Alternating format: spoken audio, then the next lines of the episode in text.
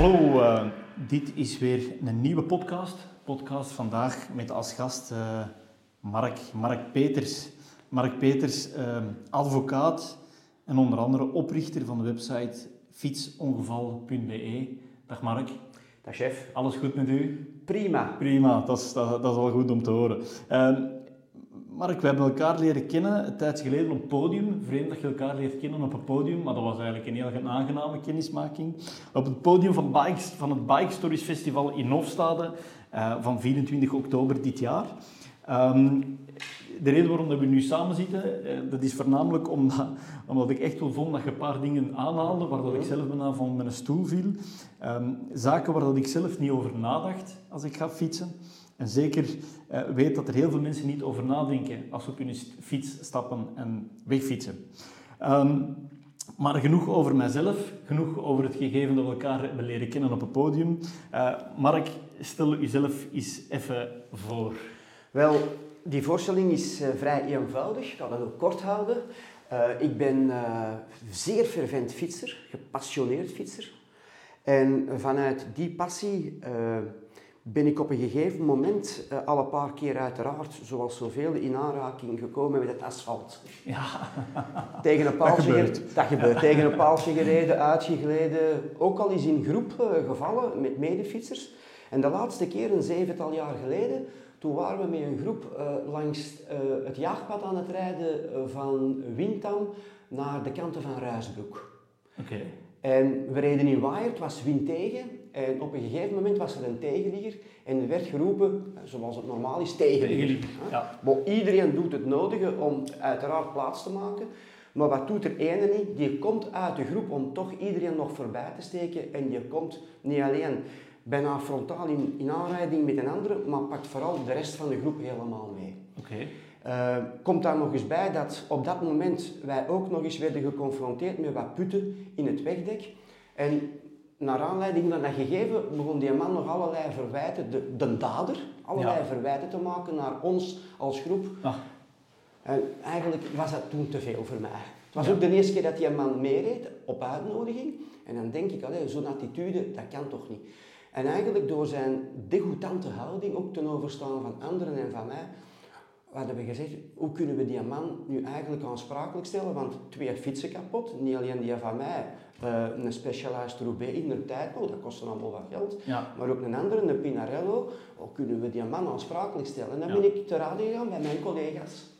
Collega's advocaten. Collega's advocaten ja. die gespecialiseerd waren in het aansprakelijkheidsrecht, verkeersrecht enzovoort. Ik legde hun die, die situatie uit en oei, oei, want dat is iets, dat is iets speciaals. Hè? In groep en in waaier en putten en tegenligger en iemand die uit de groep zit, uh, dat, dat doen we niet veel. Ja. En uiteindelijk bleven we in de kou staan.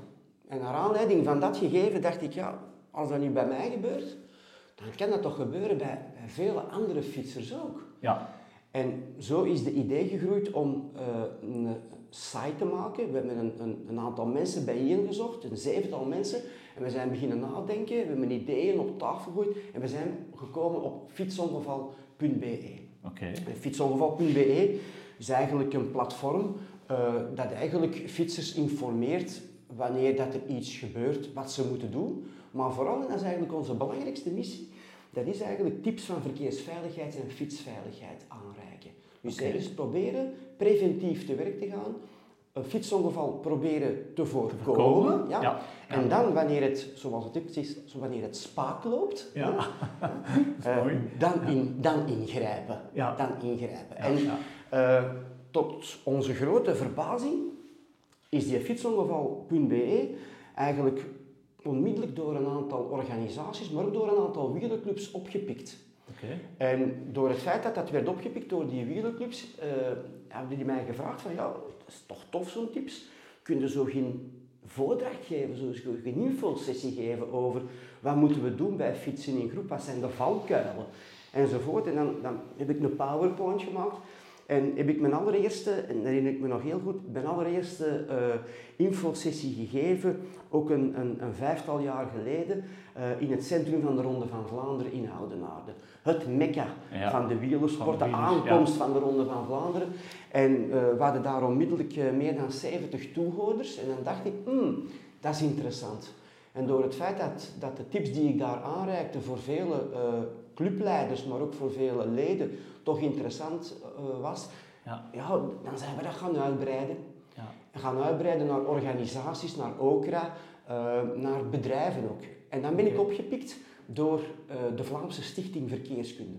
Okay. bekend van de Bobcampagnes en dergelijke meer. En die hebben mij nu zeer recent, een tweetal jaar geleden, juist voor corona, spijtig genoeg, opgenomen in hun afdeling Safe to Work onder de workshops Advocaat op twee wielen. Dus eigenlijk word ik uitgezonden door de Vlaamse Stichting Verkeerskunde, ja. Eh, die daarvoor mensen in dienst hebben die eigenlijk bij de bedrijven gaan van kijk, fietsveiligheid, verkeersveiligheid is topprioriteit. Ja. Wij hebben een aantal sessies, workshops. Een van die workshops is die van mij. En daar komen alle, alle vragen aan bod, alle thema's aan bod die een actieve fietser aanlangt. Ja, ik, uh, ik, ik, heb u geïntroduceerd als zijn advocaat en oprichter van fietsongeval.be. Ja. Ik, ik, ga, uh, denk ik, daar nog aan toevoegen, spreker als ik het zo hoor, want dat is toch wel belangrijk. Um, en, en hetgeen wat dat wel mooi is in, in, in, het verhaal, dat is dat het eigenlijk vanuit een passie en vanuit een ervaring, als ja. ik het goed begrijp, opgericht is. Dus um, zeer mooi. Um, zeg, wat, een, een vraag die dat, die dat die dat bij mij altijd um, naar boven komt, zeker als ik de buren die dat ik heb in het weekend hun fietsen op hun portbagage zetten. En als ik dan hoor dat ze weer een trip gaan maken, of naar Nederland of ergens in Ardennen, dan denk ik altijd van dat is heel leuk. Um, maar iets waar dat ik niet bij stilsta, zij niet bij stilstaan en velen niet bij stilstaan, uh, is vermoedelijk het gegeven wat als je tijdens zo'n trip een ongeval hebt, of misschien iets waar dat we nog minder bij nadenken, wat als ik met mijn fiets een ongeval veroorzaak? Zijn er zo bepaalde dingen die dat je kunt adviseren van, ja, dat zijn echt wel de eerste dingen die je moet doen op het moment dat je een ongeval hebt of een ongeval veroorzaakt? Ja, het ongeval veroorzaken of, laten we zeggen, een ongeval zelf uh, als slachtoffer zijnde, uh, zijn er altijd een aantal zaken en die zijn universeel. Ja, dat zijn de hulpdiensten bellen. Ja. Dat is één. Ja. Twee, uh, uw zaak al vanaf de eerste momenten, hoe spijtig en hoe moeilijk dat, dat ook is, want je staat vol adrenaline. Ja, ja. Uh, je staat vol je, je beeft, je, je shakt. Hè? Toch je zaak op dat moment al zakelijk aanpakken en, sterk maken. Dat wil zeggen, wat foto's maken, zien of dat daar geen getuigen zijn, nummerplaten noteren, dergelijke meer. Uh, dat, zijn, dat is de basis. Ja, eigenlijk uw, uw case op dat moment zelf een stuk bouwen inderdaad, zodanig dat je genoeg onderbouwing hebt op het moment dat het... Ja, want dikwijls gebeurt dat achteraf en achteraf zijn dikwijls de vogels dan gaan vliegen. vliegen. Ja. Dus op dat moment moet je natuurlijk het verstand je moet natuurlijk ook bij bewustzijn zijn. En als je daar natuurlijk met, met een gebroken arm ligt en ligt de kermen van de pijn, is het allemaal niet evident. Ja, uh, maar dat is eigenlijk het belangrijkste van de zaak, want waarom?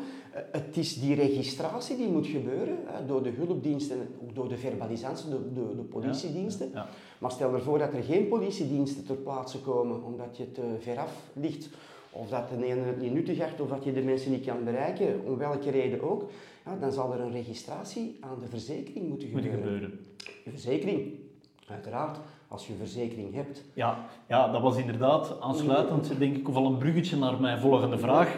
Uh, als ik dat allemaal hoor, dan denk ik van oei, uh, zijn er zaken die, waar dat ik moet aan denken voordat ik vertrek met mijn fiets? Of als ik weet dan van oké, ik ben, op, ik ben, ben overgegaan van ik ga met de fiets naar de bakker, naar het gegeven, mhm. ik ga geregeld fietsen. Zijn er bepaalde zaken waar je van zegt van ja, dat zijn echt wel dingen, denk daar op voorhand aan.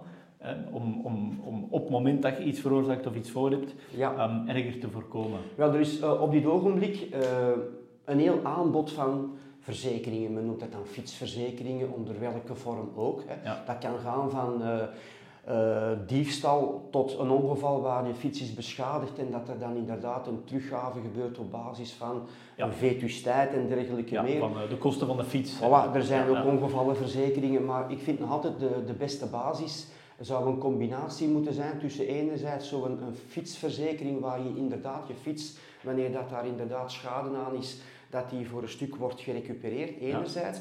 En ook uh, de familiale verzekering. Ja. Want de familiale verzekering is eigenlijk in die zin eigenlijk de verzekering voor de fietsers, zoals een autoverzekering de verzekering is voor, voor autobestuurders.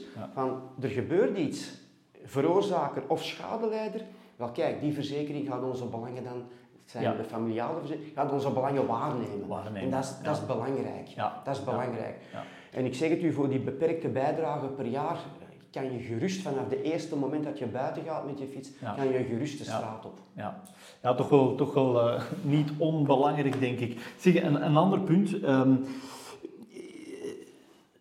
ik hoor veel mensen zeggen, ja, maar ik ben een fietser, ik ben een zwakke weggebruiker, ik heb overal voorrang en eigenlijk iedereen moet maar rekening houden met mij. Eh, is, is dat eigenlijk, klopt dat eigenlijk? Nee, dat is een, een misvatting die al jaren bestaat. Hè. Ja. En we horen het dikwijls ook automobilisten zeggen, kijk, hier ziet dat aan met die fietsers rijden door het rood, dit en dat. Ze denken dat ze alles mogen. Waarom? Het zijn zwakke weggebruikers. Nee, het is niet omdat je een zwakke weggebruiker bent. Hè. Ik weet dat dat woord niet graag wordt gebruikt door eh, een aantal mensen die in de sector zitten, die spreken Ja. dan liever over kwetsbare Kwe- hè, weggebruikers Oké. of actieve weggebruikers. Maar zolang dat, eh, dat de juridische eh, instanties spreken over een zwakke weggebruiker, moeten we dat woord blijven Ja, hanteren. Nee, nee, zeker en vast niet. Je bent maar pas een zwakke weggebruiker. eh, wanneer je dus eh, in een ongeval betrokken bent met een gemotoriseerd voertuig op de openbare weg. hè. Dus er zijn een aantal aspecten betrokken. Openbare weg, gemotoriseerd voertuig. Als ik dat goed begrijp, Mark, als ik een voorbeeld neem, ik ga fietsen en er is ergens een, een, een, hond, een dier in de, in de buurt. Er er is iemand aan het wandelen met zijn hond, die hond die loopt weg, die loopt tegen mij en ik val. Dan ben ik eigenlijk op dat moment ben ik geen zwakke weggebruiker. Je bent geen zwakke weggebruiker. Natuurlijk zal je die een eigenaar of die een bezitter van die een hond kunnen aanspreken Ja, op basis van artikel 1385 van het burgerlijke wetboek, om dan de schade die je hebt geleden inderdaad te kunnen verhalen bij de eigenaar of eventueel via zijn Familiale. verzekering als hij er een heeft. Dus duidelijk, een gemotoriseerd voertuig. Het kan een motor zijn, dat kan een tractor zijn, dat kan een autobus zijn, dat kan een gewone personenwagen zijn. ja. En dan ben je, of word je gecatalogeerd als een zwakke weggebruiker. En dat wil zeggen dat dan een automatische vergoedingsverplichting hieruit volgt. oké. Dus met andere woorden, een beetje juridisch, maar Ja, vrij verstaanbaar. ja, gooi het er maar in. Gooi het erin. Voilà. Ik rijd met mijn fiets en ik geef geen voorrang aan een auto die van rechts komt. Oké, Er volgt een aanrijding. De auto heeft wat deuken. ja, Mijn fiets is kapot. En ik heb ook een gebroken arm en ik heb wat schaafwonden. ja, Ik ben in fout, zoveel is duidelijk als Ja. fietser. ja. Toch word ik beschouwd als een zwakke weggebruiker en zal de verzekering van de auto automatisch, zonder dat er een fout moet aangetoond worden, mij vergoeden kledijschade en alle schade die volgt uit het lichamelijk letsel. Dus dat is wel belangrijk. Oké, Vele mensen weten dat Weten uiteraard. dat niet. Natuurlijk, die auto heeft ook schade. En ik heb wel een fout gemaakt in het kader van de wegcode. ja, Dus zal ik, of mijn verzekering, de schade aan die wagen moeten vergoeden. ja, En ik zal niet de schade aan mijn eigen fiets kunnen vergoed krijgen. goed krijgen. Dus Ja, Je dus ziet- ja, zwakke weggebruiker eigenlijk in twee richtingen. Ofwel ben je geen zwakke weggebruiker, oppassen, want je bent niet altijd een zwakke weggebruiker. En in andere gevallen ben je wel zwakke weggebruiker, maar dat wil dan nog niet zeggen dat je volledig eh, eh, recht hebt op een volledige tussenkomst en in Voilà. alle gevallen eh 100% gedekt bent. Ehm, eh, wat als mijn fiets Hè, dat is iets wat dat ik... eh, ik ben zelf ook een mountainbiker en eh, ik vond het vroeger helemaal niet stoer ehm, om een bel te hebben, want dat, dat bracht extra gewicht mee op mijn fiets. Ehm, laat staan reflectoren, want dat paste dan niet bij de design van mijn fiets. Ehm, zijn dat zaken waar dat je van zegt van ja, het- het is toch wel belangrijk dat die dingen aanwezig zijn op je fiets op het moment dat je een ongeval hebt? Ja, inderdaad. Ook hier, eh, artikel 82 van onze wegcode lijst eigenlijk die, die technische of die wettelijke vereisten van de fiets op. En die zijn zeer duidelijk, dat zijn er vier. Dat is de bel, dat zijn de reflectoren waar je het over had, Ja. dat is de verlichting en dat zijn de remmen. Oké, ja. En wanneer er natuurlijk een defect is aan een van deze vier wettelijke vereisten, ja, dan eh, wordt de kat de bel aangebonden. Ja. Dan wordt de kat de bel aangebonden. Eh, eenvoudig voorbeeld. Eh, ik rijd in het donker, zonder verlichting en zonder reflectoren. Ik ben amper zichtbaar. Autobestuurder kan mij amper opmerken. Ja, ik kan dan toch wel aannemen dat daar mogelijk een, een aansprakelijkheidsverdeling Zal zijn. aan de orde zou kunnen komen. In Ja. welke richting ook. Ja, ja. ja, waar dat eigenlijk de, de veroorzaker van het ongeval, hè, eh, niet jezelf als fietser, maar de veroorzaker van het vol- ongeval, ehm, eh, het, het gegeven dat je fiets niet in orde is of niet voldoet aan de wettelijke vereisten om in orde te zijn, eh, zou kunnen gebruiken om toch eh, Ja. Ja, En de, zaak, er- de zaak te winnen. Ja, uiteraard. Er zijn Ja. naast die artikel 82, waar dus die, die wettelijke vereisten worden in opgezond, Ja? vind ik het ook zeer belangrijk. En trouwens, in bepaalde processen verbaal eh, gaan de verbalisanten al eens zover om buiten die vereisten van artikel 82 ook nog eens te zien of dat uw fiets wel fysiek in orde is. En daar bedoel ik mee, ja, oké, die is uitgegleden, die is tegen een auto gegleden. Die banden, Die banden. Ja. die, banden die zijn versleten. Die, die bandenspanning, dat, dat, dat, is totaal uit een boze. Ja. Eh, dat stuur stond los. Die Ja. bouten zijn losgekomen. Ik bedoel, dat zijn allemaal zaken die meespelen in een beoordeling van een case. Ja, dat is toch wel een belangrijke inderdaad. Als ik het, als ik het zo hoor, weer een les geleerd. Ehm, eh, ik, ik, ik hoor heel veel regels, wat dat logisch is denk ik, waar Mhm. we als fietser vaak niet bij stilstaan. Ehm, zijn er in, in het buitenland andere regels? Of is dat iets wat in België geldt van regels, geldt dat de, Nee, nee, nee. nee. wereldwijd? Wel, nee, nee, nee, nee. Wij hebben onze eigen wegcode, zoals elk land zijn eigen wegcode heeft.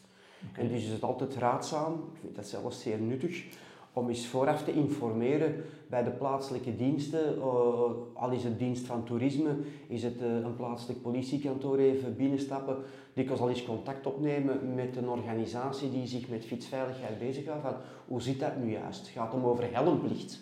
Het gaat om over eh, fietsen op de rijbaan. Bijvoorbeeld in Nederland, in België mogen we fietsen in groep op de rijbaan. Ja? In Nederland is dat dus pertinent verboden. Oké. Je mag dus ook niet... eh, Er is een heel leuk verhaal. Wij gingen met onze, met onze fietsclub uit Oudenaarde gingen we een dag uitstap naar het verdronken land van Staaftingen en zo via Gunst en zo.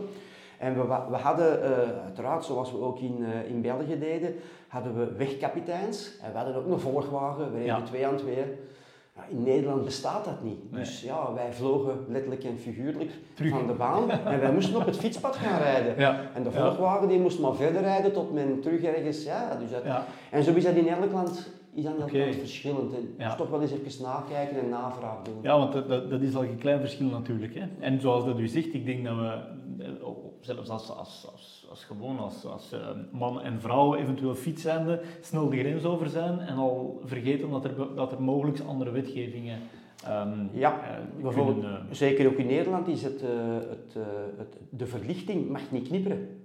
In België mag dat. ah ja, oké. Dus Ja. dan moet het licht echt vol zijn. Ja, Ook aan boeten, hè. ja, Ja. Ja. Dus dat zijn zo van die kleine details.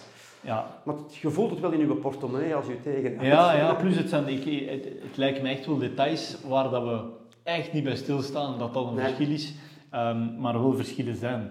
Ehm, eh, elektrische fietsen, want we zien natuurlijk enorm de opkomst van elektrische, fiets, eh, de elektrische fietsen.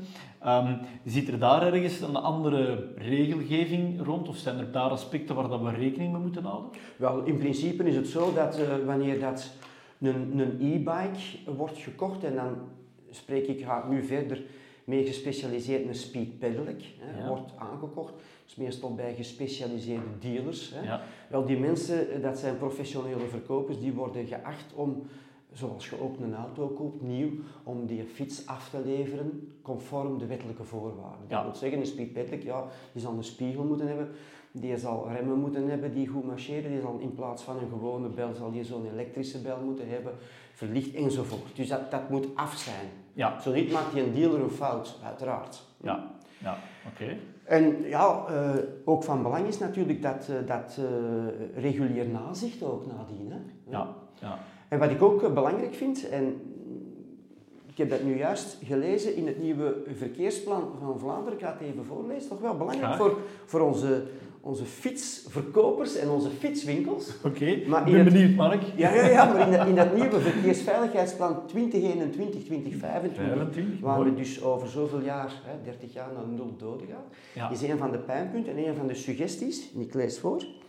Verkopers worden gesensibiliseerd en aangemoedigd om aan nieuwe gebruikers de juiste informatie en richtlijnen mee te geven bij de aankoop van een voertuig. Dus ook een fiets, ook een speedpedelec. Maar ook en om te verwijzen naar opleidingen. Oké. Dus, zeer belangrijk. Ja. Met andere woorden, uh, ik koop een speedpedelec. Oké, de verkoper zal mij dus inderdaad moeten informeren of wordt daartoe aangenodigd. Ik, zal, ga er ook vanuit dat vanuit een zekere organisatie, beroepsorganisatie zoals dat moet worden, dat eigenlijk die koper wordt aangemoedigd om een soort uh, opleiding te volgen. Dat kan fysiek zijn, bij wijze van ja, praktisch gegeven. Maar dat zou natuurlijk ook een info, ik denk, denk weer al terug aan mijn eigen boterham en aan mijn eigen ja. verdiensten. Dat zou bijvoorbeeld tot een opleiding kunnen zijn veilig fietsen en wat te ja. doen na een fietsongeval. Ik, uh, ik, ik, ik, denk dat dat uh, een commercieel goed idee is, maar ik denk zeker dat dat een idee is waar dat we met z'n allen langer meer bij, uh, mee geconfronteerd zullen worden en ook gewoon nodig zal zijn. Want um, een punt wat dat we, waar dat we nu misschien niet over de time moeten gaan, misschien in een andere podcast, maar zijn de, de steps, de elektrische steps mm -hmm. en de elektrische fietsen. En in, in, in hoeverre komen we dan al in, het, in een ander gegeven terecht dan de standaard klassieke fiets? Um, dus ik kan me wel inbeelden, inderdaad, zoals je aangeeft, dat de informatieplicht vanuit de fietswinkel um, daar toch wel um, een bepaalde, uh, bepaalde verplichting heeft. Hè? Dat je als fietswinkel of fietsinstantie een bepaalde verplichting hebt om uh, uw klant te informeren en te begeleiden uh, ja. bij de aankoop. Is, ziet je meer ongevallen met elektrische fietsen? Of ziet je daar minder uh, Ja, ik bedoel, uh, het is zo dat vroeger had uh, de ongevalscurve, dat was eigenlijk een U-curve. Dat wil zeggen, als men naar leeftijd gaat, hoe jonger de leeftijd, hoe hoger de fietsongevallen waren. Ja, onkunde. Ja, ja. En dan ging dat beter, die curve ging naar beneden, 20, 21 jaar, ja, dan zei je inderdaad standvastig ja. genoeg om de fiets serieus te kunnen besturen. ja. En dan zie je die, die curve terug helemaal naar boven gaan vanaf de leeftijd van 60, 65 jaar. Okay. Wanneer dat je inderdaad minder mobiel wordt, wanneer dat de reflexen minder zijn, wanneer dat inderdaad die mobiliteit ook bij ouderen. Hè. En we zien nu in die U-curve een aantal eh, uitstulpingen. En dat is op het moment dat men iemand een nieuw vervoersmodus aanbiedt. In dit geval kan dat bijvoorbeeld een dertiger of een 35er zijn die een speed pedelec koopt. En uh, zeker nu ook bij bedrijven, waar trouwens heel veel bedrijven nu ook inzetten via de Vlaamse Stichting Verkeerskunde, om vooraleer dat men het fietsleaseplan en heel het aanbod van die fietsen in werking stelt, men eerst zegt, kijk, vooraleer je met die speed pedelec op de baan gaat, zal je en praktisch, maar ook theoretisch les willen volgen over dit en ja. dat.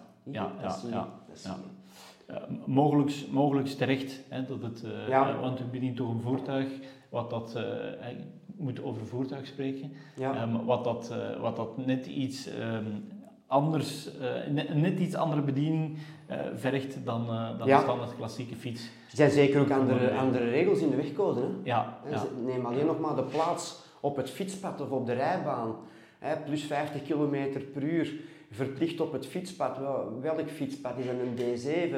Is dat, is dat de, de, de, de stippenlijnen aangeduid door artikel 74? Mag men dan ook op een fietspad rijden D9? Of op, ja. op alleen dat, ja. het is moeilijk. En, en, eigenlijk zou het een beetje eenvoudige Eenvoudig. regelgeving moeten, moeten zijn. Ja. Ik weet dat men daarmee bezig is. Er zijn zeer veel aanbevelingen, ook vanuit fietsberaad. Uh, en ik hoop nu ook met die nieuwe plannen die nu zijn gemaakt, hè, ook vandaag het, uh, het nieuwe plan van de federale uh, instanties, All for Zero, dat nu bekend is gemaakt, gaat men echt naar sensibilisering, eenvoudige rechts, steps gaat men aanpakken enzovoort. Dus men wil echt die risico's op de openbare weg indijken. Mooi. Uh, Mark, ik heb ondertussen een paar dingen opgekrabbeld um, die dat ik zelf, um, waar dat ik zelf in een paar woorden de samenvatting van ons gesprek mhm. nu uh, heb gemaakt. Ik heb, ik heb vooral onthouden verzekeren en, en ja. zorg ervoor dat je verzekerd bent voor ja. het juiste dan ook. Um, zorg ervoor, dat vond ik inderdaad een, een hele mooie, dat de fiets in orde is. En u sprak, allee, of ik gaf het voorbeeld aan van een bel en reflectoren, maar het punt dat u aanhaalde van, zie dat de banden nog wel genoeg grip hebben, Mhm. denk ik dat ook wel een belangrijk punt is, zeker bij het, eh, het regenachtige België, zoals we het allemaal kennen. Eh, de wegcode heb ik hier staan, en afhankelijk van het type fiets dat er mogelijk andere regels ehm, zijn. En dan hebben we het laatste punt dat ik erop geschreven heb. Ik denk dat dit iets is waar dat we zeker op termijn ook nog wel enkele podcasts kunnen over maken, omdat het een, een, een, eh, een punt wordt wat er langer meer naar voren zal komen. Dat is wat met opleidingen en informatieplicht vanuit de fietswinkel ehm, naar de gebruikers toe. Eh, Mark, ik, ik zou graag die podcast ehm, richting het einde willen duwen met nog één vraag te stellen. Zijn er bepaalde vragen die dat ik u niet gesteld of is er een bepaalde vraag waar je van zegt van Jeff, dat, dat, dat had ik nu toch verwacht dat je die nog aan mij zou eh, stellen? Nee, maar ik ben zelf wel iets vergeten. Ah, mooi. Vertel. Twee zaken. Eén, Ja. eh, we hebben gesproken over die infosessies, wat dat is eigenlijk de missie om preventief hè, sensibiliseren enzovoort. Ja? Uh, Maar wat gebeurt er nu inderdaad uh, wanneer dat het toch spaak loopt? Ja, dan is het zo dat in eerste instantie de verzekeringen het trachten op te lossen. Ja. En is er daar discussie of ben je het niet eens met een van die standpunten? Ja, dan staan wij klaar. Mijn kantoor staat klaar, gespecialiseerd in fietsongevallen om de fietsslachtoffers te helpen. Oké. En zij kunnen dan meestal ook gebruik maken van hun clausule uh, van de rechtsbijstand binnen de familiale. Ja. Maar dus inhoudt dat eigenlijk in het grotendeel van de gevallen mijn eerloon ook, mijn onkosten door de uh, familiale verzekering wordt vergoed. Hè. Maar ook daar zijn weer afwijkingen conform de modaliteiten enzovoort. Dus goed nakijken, maar ik geef dat mee. Ja. Hè, ja. Ook qua vergoedingsquitantie. Ja. Uh, men, men biedt dikwijls bepaalde vergoedingen aan, laat dat nachecken. Ja. Je hebt dat recht. Ja. Uh, is dat juist? Ja. Heb ik, niet, ik kan niet meer door dat accident, kan ik bijvoorbeeld mijn, mijn joggingtocht niet meedoen, kan ik de 20 kilometer van Brussel, waarvoor ik heb ingeschreven, niet meedoen. Ja. Ja. Je hebt daar recht op, op terugbetaling eventueel, ja. dus dat zijn ja. belangrijke gegevens. Ik, ik, uh, ik, ik vind dat een enorm mooie uh, uh, afsluiter, Mark, want daar um, versta ik onder van aanvaard niet zomaar een ongeluk dat je gehad hebt als er bepaalde gevolgen zijn mm -hmm. en als je nog maar het gevoel hebt dat je in je recht bent en al is het maar een ethische kwestie, dat je, dat je de man of de vrouw die dat u onrecht heeft aangedaan terecht kunt wijzen, um, dat daar dan toch actie moet en kan ondernomen worden. Uh, misschien nog een laatste vraag, uh, Mark. Uh, waar kunnen onze luisteraars van onze podcast u vinden voor vragen, advies wel, en bijstand? Zij, wel, heel eenvoudig. Ze kunnen gaan naar de fietsongeval.be, dus www.fietsongeval.be. Zij kunnen me mailen, fietsongeval.markpeters.be, vind je allemaal op de site. Daar staan ook uh, de opleidingen bij die, uh, die ik geef. Okay, uh, zij kunnen ook contact opnemen met de Vlaamse Stichting Verkeerskunde, het Safe to Work gedeelte. Daar naar de workshops gaan, advocaat op twee wielen. En dan kunnen mensen of bedrijven die geïnteresseerd zijn, al dan niet met de KMO-portefeuille, ook daar nog gebruik maken. Om. En gaat men naar mijn website waar dus mijn uh, opleidingen in staan, die grotendeels samenlopen met die andere, dan vind je daar ook nog een hele leuke bij. En dat is samen met mijn vriend de testosteron in het peloton. Okay. Wat doet het met een groep fietsers als er een vrouw mee rijdt? Maar ja. we spreken daar niet alleen over. We spreken ook uh, over de gelijkenissen en de verschillen tussen het dierenrijk en fietsers. Okay. En hoe komt het bijvoorbeeld dat een bruine beer die vijf maanden in zijn grot zit en die eruit komt in maart, april, als de beste kan jagen en wij zijn twee weken ziek en we moeten drie weken keihard trainen om terug met de groep mee te kunnen. Ja. Dat zijn de gegevens die mijn vriend Dirk op zijn wetenschappelijk verantwoorde, maar ook zo leuke manier aan het publiek komt vertellen. En ik gooi daar dan een aantal zaken tussen die dan vooral de fietsveiligheid weer aanbelangen. Ja, ik, eh, ik onthoud Mark in, in het algemene en breed gegeven eh, dat we bij u moeten zijn als zijnde specialist voor alles wat dat te maken heeft met fietsongevallen. Maar ik, ik, ik, ik moet zeggen dat ik heel hard, en dat is zeer leuk om te horen, de passie voor fietsen in combinatie met het feit dat je advocaat bent enorm uh, gevoeld heb. En ik denk dat dat juist de kracht is ook van, uh, van, ja, van uzelf, maar mogelijk ook, of vermoedelijk ook wel de, de website fietsongeval.be. Uh, Mark, er is mij u nog te bedanken um, om uh, deel te nemen aan, uh, aan dit moment, aan de creatie van deze podcast. En wij spreken alvast zeker elkaar later nog. Dank u wel. Dat is graag gedaan en bedankt ook voor de uitnodiging hiertoe. Heel graag gedaan. Dankjewel, Mark. Alsjeblieft, dag chef.